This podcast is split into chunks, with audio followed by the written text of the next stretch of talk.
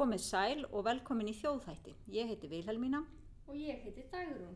Umræðefni þáttarins í dag er miðborg Reykjavíkur, nánar tiltekið, gömul hús, ný hús, hús sem eru fluttið að rifin og allt þar á milli.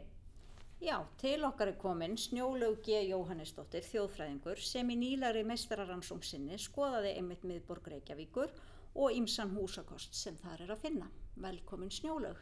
Takk fyrir. Ef við byrjum bara á byrjuninni, hvað verður til þess að þú nám í þjóðfræði? Já, það er nú svolítið seg, saga að segja frá. Ég hérna eh, er búin að starfa í alla mína starfsæfi í byggingageranum eða byggingabransanum við eh, hönnun og sölu og einréttingum og eh, síðan í hruninu mikla þá er þetta bara hrundi byggingagerin og, og, og það var ekkert að gera hjá mér, ég misti vinnuna og svona og ég ákvaði að líta á það sem bara nýtt tækifæri og, og, og opna nýjar dyr. Mm. Svo ég fór að skoða hvað ég ætti að fara að læra og það var íslenskan eða eitthvað annað spennandi og það sem eiginlega dróð mig í þjóðfræðina var sko námskeiðslýsingarna, það voru eitthvað svo skemmtilegar eins og, eins og hérna, hvað heitir, lúsakoppar og kynlíf og, og eitthvað, eitthvað svo, þetta var svo skemmtileg heiti svo ég var eitthvað að lesa svona, þessi, þessar námskeiðslýsingar og, og það sem eiginlega dróð mig kannski fyrst og fremst inn það var námskeið um efnismenningu. Mm -hmm. Það svona höfðaði svolítið til mín og það eiginlega hefur eiginlega verið svolítið stefið gegnum allt námið hjá mig, það er þessi efnismenning í ymsu formi mm -hmm. en auðvitað fyrst og fremst húsum og, og heimilum að að það er, er minn bakgrunnur og, og ég tek bakgrunnin minn með mér inn í þjóðfræðina og rannsóknum mína bæði býja rannsóknin og meistar rannsóknin, þetta er allt um hús. Mm -hmm. Það þér tókst að flétta þetta svona vel saman. Já, og ég segi alltaf að, að að taktu áhuga málið þitt og, og þú getur fundið þjóðfræðilegan vingil á það eða starfið þitt þess vegna skilur þau mm. en áhuga málið, finntu eitthvað áhuga mál. Karl Aspelund hann með þess að komið þjóðfræðin út í geim -hmm. til dæmis. Og það er ekkert sem stoppa þjóðfræði En einmitt, hvað er svona áhugavertu hús? Að því þú hefur bæði í bíanáminu og meistaranáminu þá hérna varstu svolítið með fókusin á hús. Sko hvað er áhugavertu hús? Þetta er auðvitað það sem að rammar okkur inn og sérstaklega hérna í Íslandi. Við eigðum gífurlegum tíma inn í húsum og mhm. heimilum okkar. Og hérna, jújú, jú, það búið gamanlega garð, en hvað eru margir dagur á ári sem þú getur sittið út á pallinu og meðan alveg víkirtan fyrir norðanáttinni og vestanáttinni og austanáttinni skilir þannig að já, já, mér finnst bara mér finnst hús og heimili skemmtilega og mér er alltaf þótt það en það, veist mm. -hmm ég eigði líka ekki vel tíma heima hjá mér og inn í húsum. Hmm. og ef við bara kannski byrjum aðeins á bíareitgenum ég langar aðeins að tæpa henni að þá varst að fjallum hús í brekkugerði. Hanna, sem er hannað af högnu. Mm -hmm. Og þú skoðaði það út frá svona menningararspælingum já, ekki? jú, ég gerði það. Mm -hmm. og hérna og ég sá svona ímis byrjunar enkenni mm -hmm á að það megi líta á þetta hús sem menningarar það er svona við erum að tala um brekkugerði númer 19 já, hannaða högnu. Já, þetta er sko fyrsta húsið á Íslandi sem er hannaða á konu sem ennþá er uppi standandi. Já. fyrsta húsið eftir högnu var í Vestmannheim en það fór undir hraun þannig að það er ekki uppi standandi lengur. Þannig að brekkugerði 19 er fyrsta húsið á landinu sem er hannaða á konu. Mm. og það finnst mér svolítið merkilegt. Mm og það er sem sagt uh, já það er sem sagt uh, mér finnst það bera mörg enginni menningarars mm -hmm. þetta hús. Og þú skoðar einmitt viðhorf. Varst að kanna viðhorf fólks til þess? Ég gerði það, ég fekk fólk til þess að svara nokkur spurningum sem hafði uh, komið inn í þetta hús ég hafði tók viðtal við eigandahúsins þávarandi eigandahúsins mm. og ég tók viðtal við svon hjónana sem byggðu það á sínum tíma mm -hmm.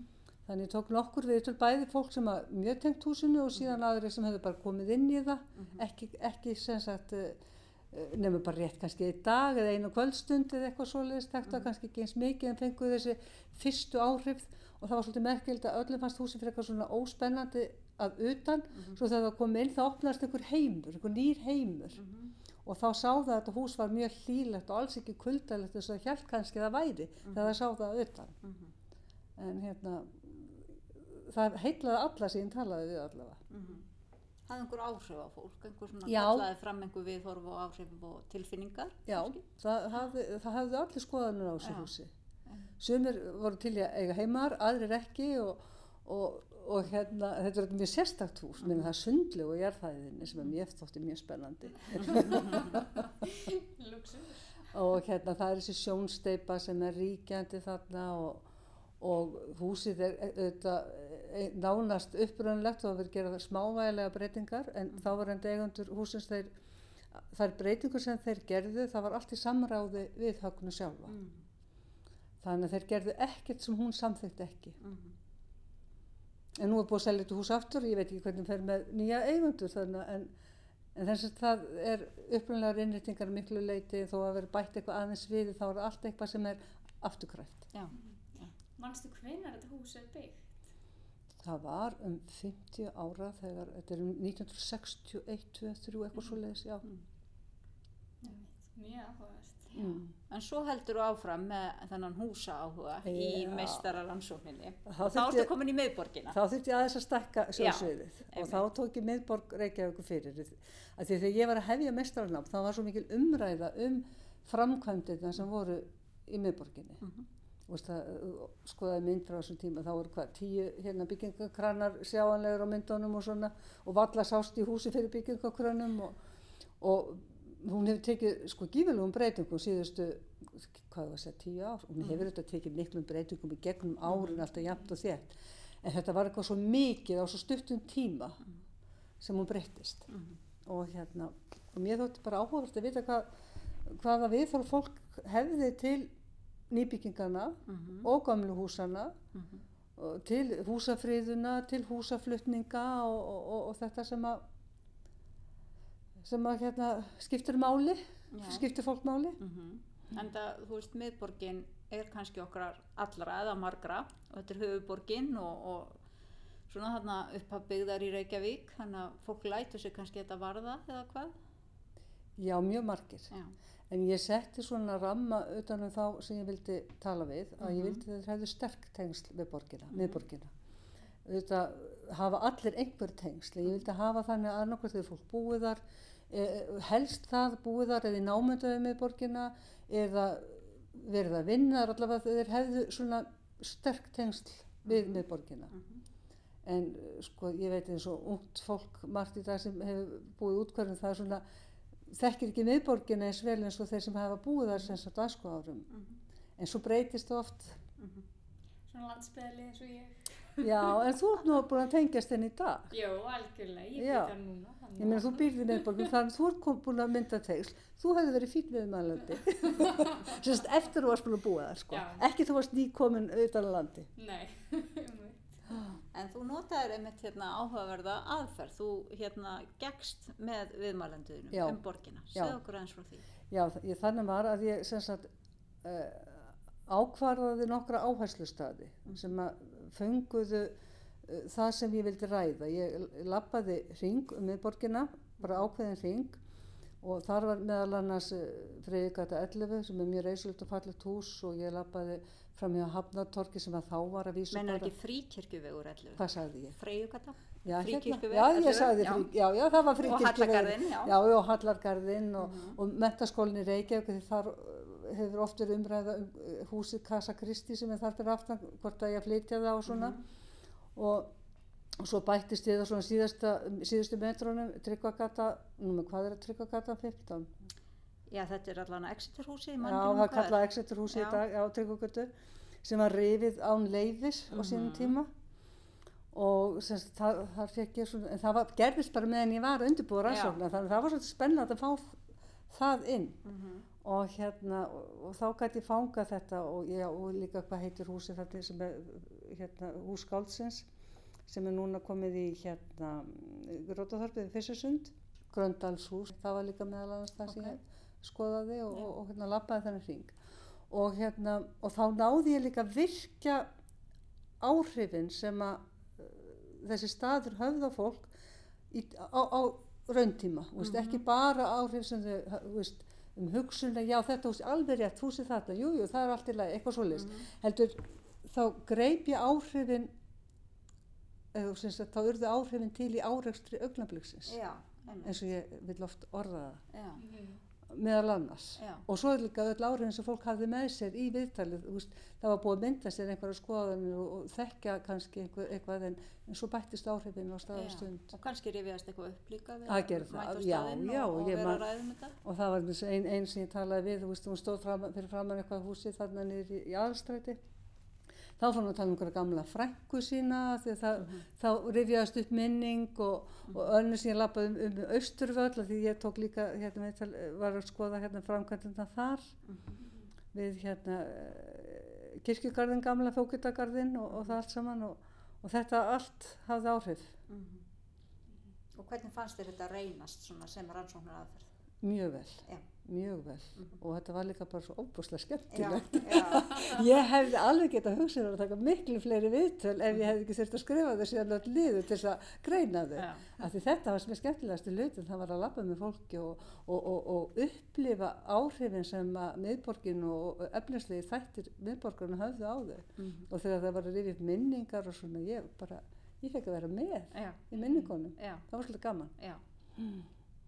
Já. Það- Þetta er hérna, mér finnst þetta áhugaverða rannsóknar aðferð og held að hún geti svona bætt ímsu við frekar en þú sætir inn í lokuðu herbergi að spjalla og Já, hérna, já. eða sem sagt, og, og spurja hvort sem þú hefði myndir eða eitthvað, þú, einmitt, þú fa- Já, nærð ég- kannski þetta- svona frekar að grípa Já, ég var að vísu með Þessi myndir áhrif. líka Já. og í þessari, ágönguferðunum eins og til dæmis ég var að skoða uh, hugsanlega breytingar með svo hafnatorki og hugsanlega Mhm. breytingar á, á hérna, ef, veist, ef, ef hérna Casa Kristi yrði flutt Mhm. og ég var með myndir þar sem síndi veist, hvað kæmi staðið, Mhm. kæmi hugsanlega í staðið, Mhm. þetta er auðvitað ekkert fast ákveðið þar Mhm.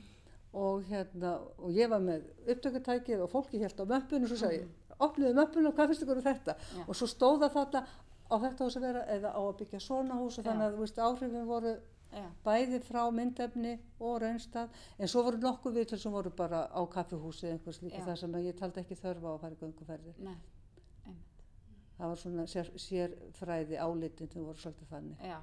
En ég sé á þessum stöðum, þessum áherslustöðum sem þú nefnir að hérna, þarna er kannski svolítið svona bræðingur er það ekki, þetta eru gömul hús og ný hús og einhverja fyrirhugaða framkvæmdir og svo leis mm -hmm. segð okkur aðeins frá því hvernig hérna svona þessi Akkur ég vildi skoða þetta allt saman? Já og hérna einmitt. Sko því að miðborgin hún er þetta bara einn hræri grötur. Mm af, hérna, af svo mörgu og, og hérna sko það sem eiginlega kveikt í mér það er eins og ég sagði á það það er sko eru, voru nýframkvæmdirnar Mhm. hvað fólki fannst um þær innan á gömluhúsin Mhm. og fólk var almennt svolítið svona jú frekar jákvært gagvart þeim en fannst það er ekki nógu tillitsamar við gömlubyggðina fannst Mhm. vanta svona eitthvað samræmi Mhm. en samt er ekkert samræmi nýri bæ ef þú fyrir að skoða, þú veist, húsið það er ekkert samræmi Mhm. þú getur, og þú horfir eitthvað eitt timburhús og svo horfir á Hotel Borg Mhm. og hún er hún hund gömul en síðan eitthvað gammalt timburhús þegar innum með við Östurvell, það er líka gammalt en Mhm. þetta er svona svona hérna já þetta er bara já, og hérna það var eiginlega fyrst og fremst þetta sem ég var spennt að vita Já. veist, hvað fólki finnist um þetta að hérna það liti mig af stað allavega Já. að nýju húsin væri þarna En er það ekki með svolítið erfitt að greina hvað fólki finnst, að greina þá viðhorfin af því þetta er svo fjölbreytt og, og já það var alltaf mikið um þversagnir hjá fólki Mhm. það, þú veist, það byrjaði kannski að segja eitt Mhm. og síðan skipti það um skoðun eða ekki eins og einn sagði við mig mér finnst ég vera að fara að tala í ringi Mhm. af því að sko ef við tökum til dæmis uh, húsaflutninga Mhm. til dæmis Mhm. að þar hérna var ég búin að labba um hérna fyrir áttan MR skoða Mhm. Kassa Kristi og þar segir einn sko bara alls ekki flytja, þetta bara kemur ekki til greina og, og allt það og svo labba ég að hérna Gröndalshúsi og Mhm. já, nei, jú þetta er ofsalega fallegt hérna og, og það var áður í skugga þegar það var þetta búið að eyðileggja þú veist, það, það var, byggja, var búið að byggja risa hús fyrir frama þannig að það var komið í svona skugga. Þannig að það nýti sér miklu betur á nýjum stað heldur en það gerði áður. Mhm. og þá sem bara, mér finnst það að tala, fara að tala í ringi sko því að ég er á móti húsaflutningum en samt ekki. Já, þannig að þetta var svolítið mikið um þetta já, að fólk var í, í þversögnum en ekkert Mhm. allt, ekki allir. Sem voru með mjög ákveðna skoðanir. Mhm. og hérna en það var svolítið gaman að því að sjá hvað voru miklu þversagnir í þessu Mhm. Það var kannski svolítið svona að það var ekki eitt sem gildi yfir öll húsin heldur bara svona. já, það var svolítið svona uh, hvert dæmi fyrir sig Já, Mm og þá kemur einmitt bara kannski svona svolítið persónuleg bæði tengsl eða Já. viðhorf. Já, það má segja það sko, með sem svo tök út Casa Kristi sem dæmi, það voru, fólk áttu til, til með að segja sko, mér skýtsaman þetta hús fari, ég hef aldrei til getið, Já. það er haldið bara í félum, það, úst, það eðilegur ekki göttum, mér er alveg saman, það má fara. Síðan kannski, einhver sem hafi kannski átt æsku á þessu slóðum, þekktu húsi, þekktu bakgarðana, þeir voru miklu fastar í, í því að halda húsinu og þar koma staðartengslinn, mm því að staðartengslinn hafa svolítið mikil áhrif á viðþorð fólks til breytinga. Það, svo, að, það, það virðist vera hrætt við að ef ofmiklar breytingar verði á þeirra næru umhverfi og þeirra, því umhverfi sem þekkja þá hætti þeir að en það, þá tapir tengslum við staðin, það virðist vera svolítið þannig. Já, einmitt, þetta er áhugaverðu punktur að hérna svona hvað persónulega minningar eða reynsla varðandi stað eða umhverfi ein, og eins og hús Mm hefur þá mótandi áhrif á viðhorfin og þá kannski eins og til húsaflutninga eða niðurifs. Já, Já. það, það virðist hafa mikil áhrif, staðatengslin. Og svo finnst mér áhugaverðu punktur sem þú nefndir hérna með Casa Christi að því að ég er, er mitt ekki viss um að það hús sé þekkt, það st- stendur náttúrulega bak við mentaskólan Já. og hérna og allavega fyrir einhverjum árum var það kannski svona klætt og með bárujáfni og ekki mjög svona kannski gæti hafa verið betur að uh, útlitið staðið en hérna, Það er búið að byggja við það já. og það er búið að klæða það. Mm og þannig að það er ekkert líkt upprunalegu húsinu. Og svo hefur þetta hús ekki verið vinsælt meðal MR nefnda en sko allavega það kom fram í viðtalinu en ég hef það bara eftir þeim. Ég hef ekki hugmynduð, ég var aldrei MR og þetta var þetta ekki MR alla tíð, ég man ekki hvernig það var sem að uh, húsið var notað undir skólastof fyrir MR en þetta var, var, hefur verið óvinsælt -hmm. að hafa þetta vera í kjenslu í þessu húsi einhver hlutu vegna. En hérna, einmitt varðandi það, sko húsavend, þú kemur inn á það, viðhorf til húsavendar. Já. Hvernig byrtust þessi viðhorf? Ertu þá að tala um húsaflutninga eða? Nei, húsa, hús, húsavend, bara svona varðveislu. Já, fólk var sko almennt á því að, að sagt varð þetta húsin í borginni en, en flesti gerði sér grein fyrir það að hús þurfa að breytast. Og eins og það sagði, eins og e, e, hérna, Ritthöfundur Stjórn Brand segir í, í, í- bók sem hann skrifaði bygginga þurfa að læra. Þau, sko, og, og þær, þær, þær get ekki verið fastar í tíma og rúmi vegna þess að við breytumst og þarfir okkar breytast og hús þurfa að breytast og flesti gerðu sér vel grein fyrir því. En sko ef að húsin voru gammaldags að utan, þá var fólki alveg sama hvað var gert að innan. Eða svo flestir. Og eins og einhver sagði, ég, meina, ég vildi ekki búa í húsi sem var ekki með klósut og rafmagni, skilur og, og það, þú veist, þannig að fólk gerir sér grein fyrir því. Og þetta er, það, en það er mjög misjant hvað fólk telur þörf á að ganga langt sko. og ef við tökum dæmið með Exeterhúsi sem var rifið að, að einhverjum þótti það sko mjög miður að því þarna verið gamla spýtur og eitthvað sem einhver saga var í og svo leiðis en svo var öðrum, aðrir, þú veist, því hús var endurbyggt í upprunalegri, eða þú veist, ekki upprunalegri mynd en svona mm, að fyrirmynd þess gamla. Og svo flestum fannst það bara ágætislaust og fannst það vel bara fyrirgefilegt að það var rifið að því það var, að var reist aftur. Já, þannig að þá, hérna, Þannig að þá, þú veist, þetta lítur út fyrir að gammalt, ég trúi því að þetta sé gammalt, þó að það sé alveg nýtt. Já, þetta er mjög áhugavert. Já, Að þarna er, eh, skiptir kannski efnislegur upprunaleiki ekki höfuðmáli, heldur einhvers konar tenging, við fortíðinu. já, En það er þetta, ég, ég, ég ætla ekki að alhafa um Nei, þetta, nei. að því sumir viðmælandi voru aftur á móti mjög fastir í að halda í upprunalegt efnið. En, en svo voru öðrum sem að, veist, þeim fannst þetta miður að húsið hefði verið rifið og allt það, en þeim fannst ásættanlegt, ásættanlegt að, að, hérna, að það var reist að uppranlegri fyrirmynd. En það er þetta ekki eins. En það var hvort þeir búið að veita leifi til að hækka húsið upp, hækka kjallarann, hæk, breyta þækjunu og svo leiðis Mm -hmm. en hérna já, En þetta er líka áhugavert og svona eins og með sögu húsana, hvort að það hafi mikil áhrif ef að húsin eiga sér einhverju svona sögu. já það virtist allavega að vera með gröndalshús að hérna eins og einn viðmjöldi sagði sko að henni þótt þetta mjög miður að það skildi vera fjarlægt að því að, að þá stæði hún ekki lengur á slóðum skáldsins, hún stæði við húsið heldur það bara húsið en, en öðru slóðum. Mm. En svo var annað, það var í öðru annarri rannsókn sem var gerð í aðalstræti sem var svolítið áhugaverð að þar er hús sem að eh, held ég að fiskmarkaðurinn er í núna og þetta hús stóð áður við Östurvöll og hérna var sem sagt Ísafaldarprentsmiða var í þessu húsi. Var ég- í Austurstræti? ég var í Östurstræti og var flutt í aðalstræti. Svo tók ég viðtal við hérna einn mann sem hefði mjög sterk tengsl við þetta svæði. Hann er prentari og var að vinna í pressmið í, í, grótvarpunni í, í sko eiginlega bara alltaf. Og svo var ég eitthvað að spyrja nú út í hérna þetta hús og þá fór hann að tala um húsi sem hafi verið þar áður. Þá var, var, þá var tengslinn við staðinn meiri heldur en við húsið. En þetta hús sem hann talaði um það, það, brann þannig að það stendur ekki þarna lengur. En hann fór að tala um það þegar hann var að tala um þetta hús. Svo bendi hann að þetta er ekki það hús. Og hann, hann varð svo með þessin þannig að kveikir á perunni. Að þetta var Ísafaldar, Ísafaldarhúsið mm. af því hann hafði verið þar heilmikið líka þegar hann var að læra prettiðina þannig að þetta var svona trublaði mjög mikið að, að þegar allt í henni fattaði að hann var að tala um hús sem var farið og hann þekkti þetta hús og hann skildi ekki Já, Tengja.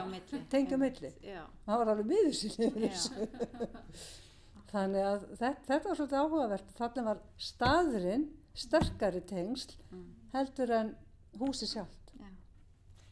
Já, og þetta er náttúrulega mjög áhugavert í sambandi við húsaflutningana Já. sjálfa þegar það er verið að tala um að flytja hús af þessum stað já, og eins og núna hefur verið aðeins í umræðinni í Já. síðustu viku í tengslu við hús upp á Árbæðsam. já, einmitt. Þessi hugmynd hérna og, og þetta virðir svona mm, endurtekin umræða já, og fólk lætur sérna varða og hefur ólíka skoðanir um hérna húsaflutning og nú síðast einmitt þetta dæmi um að flytja hvað var það, Dillons hús af hérna árbæðisafni og, Og aftur niður í bæ. já, Já. Og, hérna, og sitt sýnis hverjum um það. Já, og kannski eins og rannsóknin þingjöfu til kynna þá eru viðhorfin bara rosalega fjölbreytt og, og mjög persónubundin og, og móta svona af. Nú hefur til þess engin sko, ég meni ég man ekki eftir þessu húsi þarna. Nei, og er ég nú ekki uh, unglingur lengur sko. Og hérna þannig að sko þannig að það er engin tengsl við þetta hús og ég held að þetta hús geti alveg gemt söguna þarna á árbæðarsafninu eins og, eins og þarna nýri bæ en það mætti alveg kannski byggja eftirlíkingu á þessu húsi þarna. En ég segi ekki þess að taka það til árbæðarsafninu fyrir þetta kostleðan sem að fylgir því. En það væri sniðið að byggja eitthvað hús í gáðinu stíl eða flytja eitthvað annað hús sem þarf að færa yfir á þennan stað. Nei, ég segi bara svona, ég veit, ég veit ekki, ég hef ekki, ekki sterkar skoðan á þessu, en mér finnst það, mér finnst það sóma sér vel á árbæðar sem miklu meira tengsl við húsi þar, já, heldur en á hérna upprunarstaðinu, en það, ég man ekki eftir því þar. En ef við höldum aðeins áfram með þessi með svona persónulegu tengsl sem hérna, viðmælanduðinir höfðu við borgina. Mm. Þú segir okkur hérna, það náttúrulega blandaðist inn í þetta líka fegurðaskinn. Mjög Hvernig mikið. byrtist það? Sko það sem það þekkir, Mm -hmm. það er fallegra. Já, Það, það er staðartengslin eru mjög tengd fegurðarskinninu. mm -hmm. virðist vera. Og, og fólki finnst sko það, vil- þess vegna vil það endilega þess, að þessar nýbyggingar þessi sem sagt taki tillit til gömlu húsana þau eru falleg. Það finnst þeim falleg, þetta er eitthvað sem þeim þekkja. Þeim getur svo sem alveg þótt nýbygginga fallega líka en það verður að vera sko, hafa, taka tillit til þessara gömlu svo þessi gömlu, gömlu húsin hverfi ekki eða já, já svona yfirgnæfið þau. já þau yfirgnæfi, það orðið sem var að leita að. Já. og það var kannski, það var hús þarna einmitt í, var ekki svarta perlan í Jú. Já, þú, þú fegst viðhorf varðandi það hús mjög mikið, og var svo mikið. ekki líka einmitt landsímareiturinn þær hugmyndir sem voru þá í gangi um Já, hótelbyggingu sko, fólk var almennt nokkuð sátt við þær breytingar. hótelið á landsímareitnum, já. Já, því, sko, því myndin, sko, þá var ekki búið, þá var það bara í framkvæmdu þegar ég var að taka viðtölinn. En ég var með myndir af þessu og fólki þótti þetta svona almennt bara í lægi. Mhm. En sumir fannst þetta samt gleipa of mikið, vera of mikið byggingamagn Mhm. á þessum reit. En það var svona, já, það voru bara mjög skipta skoðanir um það. Mhm. En svo aftur á móti með svörtu perluna, þar voru miklu sterkari viðbröð. Því þegar ég lappaði gegnum grjótaþorpið og, og þá, sem sagt, að- í áttulega nöstunu gamla, ég veit ekki hvað það heitir í dag, þetta var alltaf nöstið. Veist þú, það ekki? Ég ætla auðvitað bæja að stelpa. Sko svarta perlan, svo ég hérna afhjúpi vanþekkingu. Já. Já, sko, svarta perlan er, er tiltölulega nýtt hús, ekki samt mjög nýtt, það er svona orðið nokkur ára, sem stendur við tryggvagötu. Mhm. Og hinum megin við, þess að vestugötu megin við það, þar er gamla nöstið. Veistu hvar það er? Já, Já, já. Og þegar þú Hinum kemur, megin í tryggvagötun er borgarbókasafnið. og þú lappar sem sagt mjóstrætið úr grótaþorpinu og, og, og þú sér þarna gröndalshúsið á hægri hönd og svo hérna beint á mótir er, er hérna nöstið og þar fyrir aftan svarta perlan. Mm. og þar, það urðu rosalega sterk viðbröð fólki fannst þetta bara eins og skrimsli og vera að gleipa nöstið þetta fallega hús og, og hérna uh, í staðan fyrir að hafa vitt, veist, viðsýni og svolítið, þá bara veist, tekur það svo mikið til sín sko. en það er það sem er að gerast alltaf niður við höfnum, það er veist, bæði hafnatorg og, og þess miklu byggingar sem er að byggja þarna við hörpun og allt það og tryggagata hafa búið að bæta við fleiri húsum þar en þetta vakti rosalega viðbrú en það var, ein manneskja sem talaði sem þótt þetta bara í góðu lægi henni fannst svarta perlan mynda svona skemmtilega bakgrunn við mm. nöstu bara kom vel út. En það var líka einu manneskja allir hinn var bara alveg bara fannst þetta hræðilegt. En hérna, einmitt, svo við höldum bara áfram göngutúrnum, þá hérna, einmitt. S- hérna, þú rættir það aðeins líka, var það ekki? Jú, það voru þetta, sko, fólk var svolítið hrætt við að þetta myndi skemma Östurvöll, nei ekki Östurvöll, þetta er hérna Arnarhól. Arnarhól, Mhm. af því að þarna á Arnarhóli hafa verið svona samkomur og þarna hefur verið svið og, og, og haldnir tónleikar þegar eitthvað með vera og þarna var tekið á móti til þess íslenska landsliðinu fótbolta þegar það kom heim, var ekki 2016 þarna, sigur fyrir mikla? Eitthvað svoleiðis. Og hérna, fólk var svolítið hrætt við það. Og þeim fannst flestum þessar bygginga vera of kassalega og það var það sem var eiginlega gegn og gangandi hvað fólki fannst um nýbyggingar niður í, bæ, svona margar hverja, það er, það er, þó ekki allar, þetta vera of miklu kassar, þetta væri bara allt eins kassar, svona einsleitir kassar. Mhm. Þannig fannst vantar svolítið mikið arkitektur í þetta, Mhm. virtist vera. Og er það umræða heldur sem að er mikið í tengslu við nýjar byggingar? Erum við með eitthvað svona romantískar hugmyndir um að gömul húsi fjölbreyttari og fallegri? Já, virðist vera. Já. En svona og ég byrjaði við tala alltaf við fríkirkjuveg, nú sagði ég fríkirkjuveg Mhm. 11, að það, þar var sko bara einróma álit, að fólki fannst þetta alveg stórglæsileg bygging sem hún auðvitað er. Og hún líka, hún er ekki aðþrengt. Hún Nei, hún, hún hefur, hún hefur svolítið hallagarðin allan hérna, kringum sig. já. Já. Þannig að það er auðvitað ofslega, og það var allir rosalega hrifnur því og gamli mentaskóli, þú veist, hann, hann gnæfir þarna yfir eh, lækjargötun og fólk var mjög ánægt með, veist, fyrst það, svo bygging ofsalega falleg og, og það tengir sig við hann, þetta er í götumyndi, þetta er eitthvað sem það þekkir, en húsið fyrir aftan, það skiptir ekki svo miklu máli, fyrir flesta, en ekki alla. Mhm. Þannig að, veist, þetta uh, hefur, Já. en það, já, fegurðarskilin, það, það er svolítið bundið við það sem þú þekkir, Já. vera, fannst mér. Já. Er þetta líka heldur einhver svona fortíðarþrá eða nostalgía? Já, sumum, já, allavega, ég- jú, kannski, jú, kannski. En samt var fólk líka mjög hrifið af, til dæmis, húsum eins og, uh, nýjum húsum eins og húsi hæstaréttar, það, fólki finnst það almennt, eða þessi sem ég talaði við, finnst það mjög fallegt, eins og einhver sagði, það er, svona, það er einhver arkitektur í því og sama með hérna, hús sem var mjög umdælt á sínum tíma, ráðhúsið. Fólk í dag verðist það mjög sátt við það. Eh, ég man eftir einni sem að saði sko, en þætti það svolítið hérna, sko ringurinn við, við tjötnina að það sé komið svona smá slags í það, það sem að þetta er svona stór bygging, þetta er, þetta víðsýni kringum tjötnina, svo kemur þessi risa bygging þarna, en fannst mynda svolítið slags í það, en henni finnst húsið samt fallegt, mm. skilur þau, en henni finnst það svona aðeins of mikið, það, það er þetta með byggingamagni, fólk að fólki finnist þetta mikla byggingarmagn eiginlega trubla sig mest, það virtist vera. Og hérna en svo hafa verið byggð hús eins og við hverfiskötuna í gömlum stíl. Og þú bara varlega getur séð, séð að þetta sé nýbyggingar. Nema þú hafið þekking og kunnáttu og, og, og hérna já, fólk var bara já, mjög hrifað af því að halda í þennan gamla stíl. En samt var það alveg til í veist, eitthvað nýtt eða en, eins og einhver sagði, það má vera upp í borgatúni en nei, nei, það voru fólk var alveg til í að, að það þyrft að breyta einhverju og bæta við en, en tillitsemin það var það sem að skipta á mál tillitsemi við gömlu byggðuna og þá var það kannski byggingamagn kannski sem skipti rosalega miklu máli það var ekki einhverju rosalegar blokkir og háhísi og eins og til þessi skólagötunum það eru þetta rosalega háhísi Mm. og það tröflaði suma. En ég velti fyrir mér í þessu sambandi líka að því að þú hérna nefndir hérna einmitt húsaflutninga og vorum að tala um það og svo þá þessi tími að hérna hvernig tíminn spilar þarna inn í sko að hérna þú ser miðborgin að breytast og þetta er hægfara breyting og svo kannski aðeins hraðari og síðustu, ég veit ekki, 15-20 árum. Já, og hérna en svo er hús flutt eða nýtt kemur og það öðlast einhvern sess. Já, það Þannig er að- það sem gerist Já. nefnilega. Og eins og ungt fólk í dag það man ekki eftir tjörnina án ráðhúsins þannig að það hefur staðatengsl við, við, við ráðhúsið veist, svo aðlagast maður einhvern veginn að öllu einhvern veginn.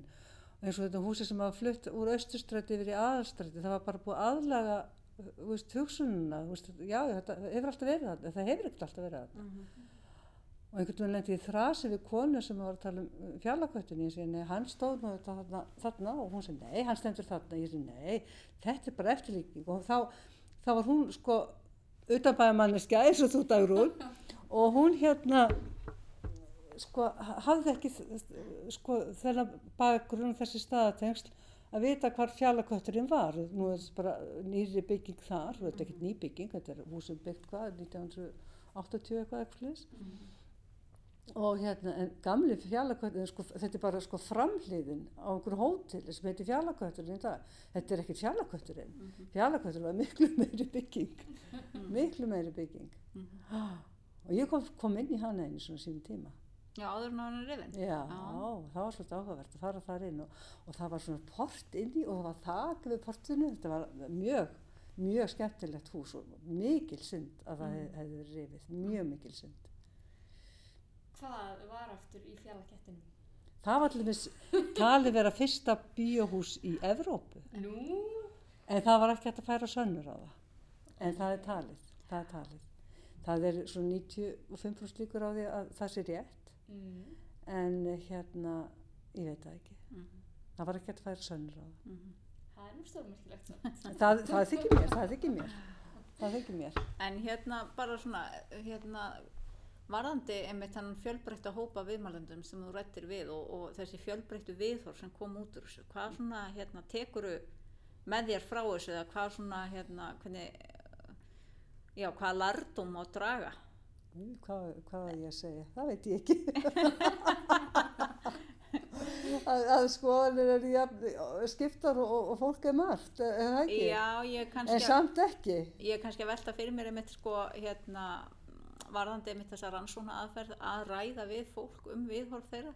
Að því að skipulagi kemur oft einmitt frá hérna kannski bæjaryfirvöldum eða borgaryfirvöldum Já. og, og hérna fjárfæstum jafnvel eða því að fasteignir eru oft dýrar í miðborginni. Já, ég er svona aðeins að velta fyrir mér svona já, já svona, upplifum fólks af já, það hafa allir mjög miklu þessu. Og hérna ég lendi ofti því ég var, var að vinna þessa rannsókn að þegar fólk, þegar fólk vissi um hvað ég var að, Mhm. fjalla og hvað ég var að rannsaka þá hafðu allir skoðanum, vildi allir tala við mig og, og ræða þessi mál við mig sko. Mhm. mm fólki, fólk, fólki skiptir þetta máli þetta er eitthvað staður sem að það ber tengsl til hefur Mhm. tengsl við hefur tilfinningar til Mhm. því er ekki sama hvað þetta er gert og, og þess vegna er oft þessi hörðu viðbröð Mhm. Er ekki döndla alltaf sömu viðbröð það, getur, veist, fólk, það eru skipta skoðanir en, Mhm. en þetta sem ég er búin að segja við ykkur, það, það er svolítið svona gegnum gangandi hvað fólki finnst svona tillitsemin og, og, og þetta gamla skipti máli og svo leiðis Mhm. Svona ákveðin þemur sem að koma upp. já, En þetta er líka áhugavert því í þjóðfræðinni hefur maður svona ákveðið tækifæri til þess að rannsaka einmitt þetta viðhorf og tilfinningar og skoðanir fólks Já. Sem er gífurlega áhugavert og það getur sagt manni mjög mikið hvað hvernig fólk upplifir einhvern veginn heim í kringu sig. Mhm. já, mér finnst það skipta ósvöldlega miklu máli að- að að rannsaka þetta veist, hvernig, hvernig umhverfið hefur áhrif á fólk og, og, og, og, það mætti kannski líka taka meiri tillit til hérna viðhors borgarbúa þegar verið er að- að vinna að einhverju borgarskipulega, ekki alltaf einhverju bara fræðingar upp einhverju skrifstofum heldur, veist, Mhm. fólki sjálft og hvernig það notar borgina og notar húsin og, og það allt saman. Mhm. Algjörlega að fá þjóðfræðing með sér lið til að kanna þetta. Mér finnst það góð hugmynd, ég auðvitað hérna eftir vinnu. Já, ég skal skipta mér af sko borgarskipulegin, ég hef mikla skoðanir á því. Já, og líka bara að- að- og þekkingu til að einmitt, kalla fram þessi viðbröð, að hérna, taka viðtöl og, og hérna, greina þau. Já. Skoða, skoða hérna áhrif, áhrif á borgarbúa. Já, Mm. En þín tenging við miðborgina, hefur þú mjög sterkar? Já, mjög, mjög sterkar.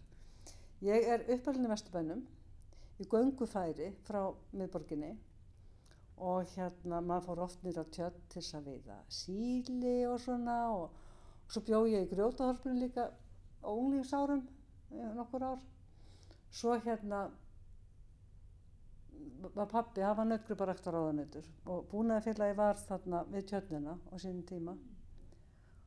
Og maður fór stundum þarna með pappa í vinnuna og, og ég man alltaf eftir því að hann var svolítið svona gassarlegur hann pappi gamli og, og hérna einhvern veginn var ég hjá hann í vinnuna og svo var ísirlega tjötnin og hann vildi bara sér leið og lappa við tjötnina og ég var svo hrætt og hann eiginlega bara dró mig.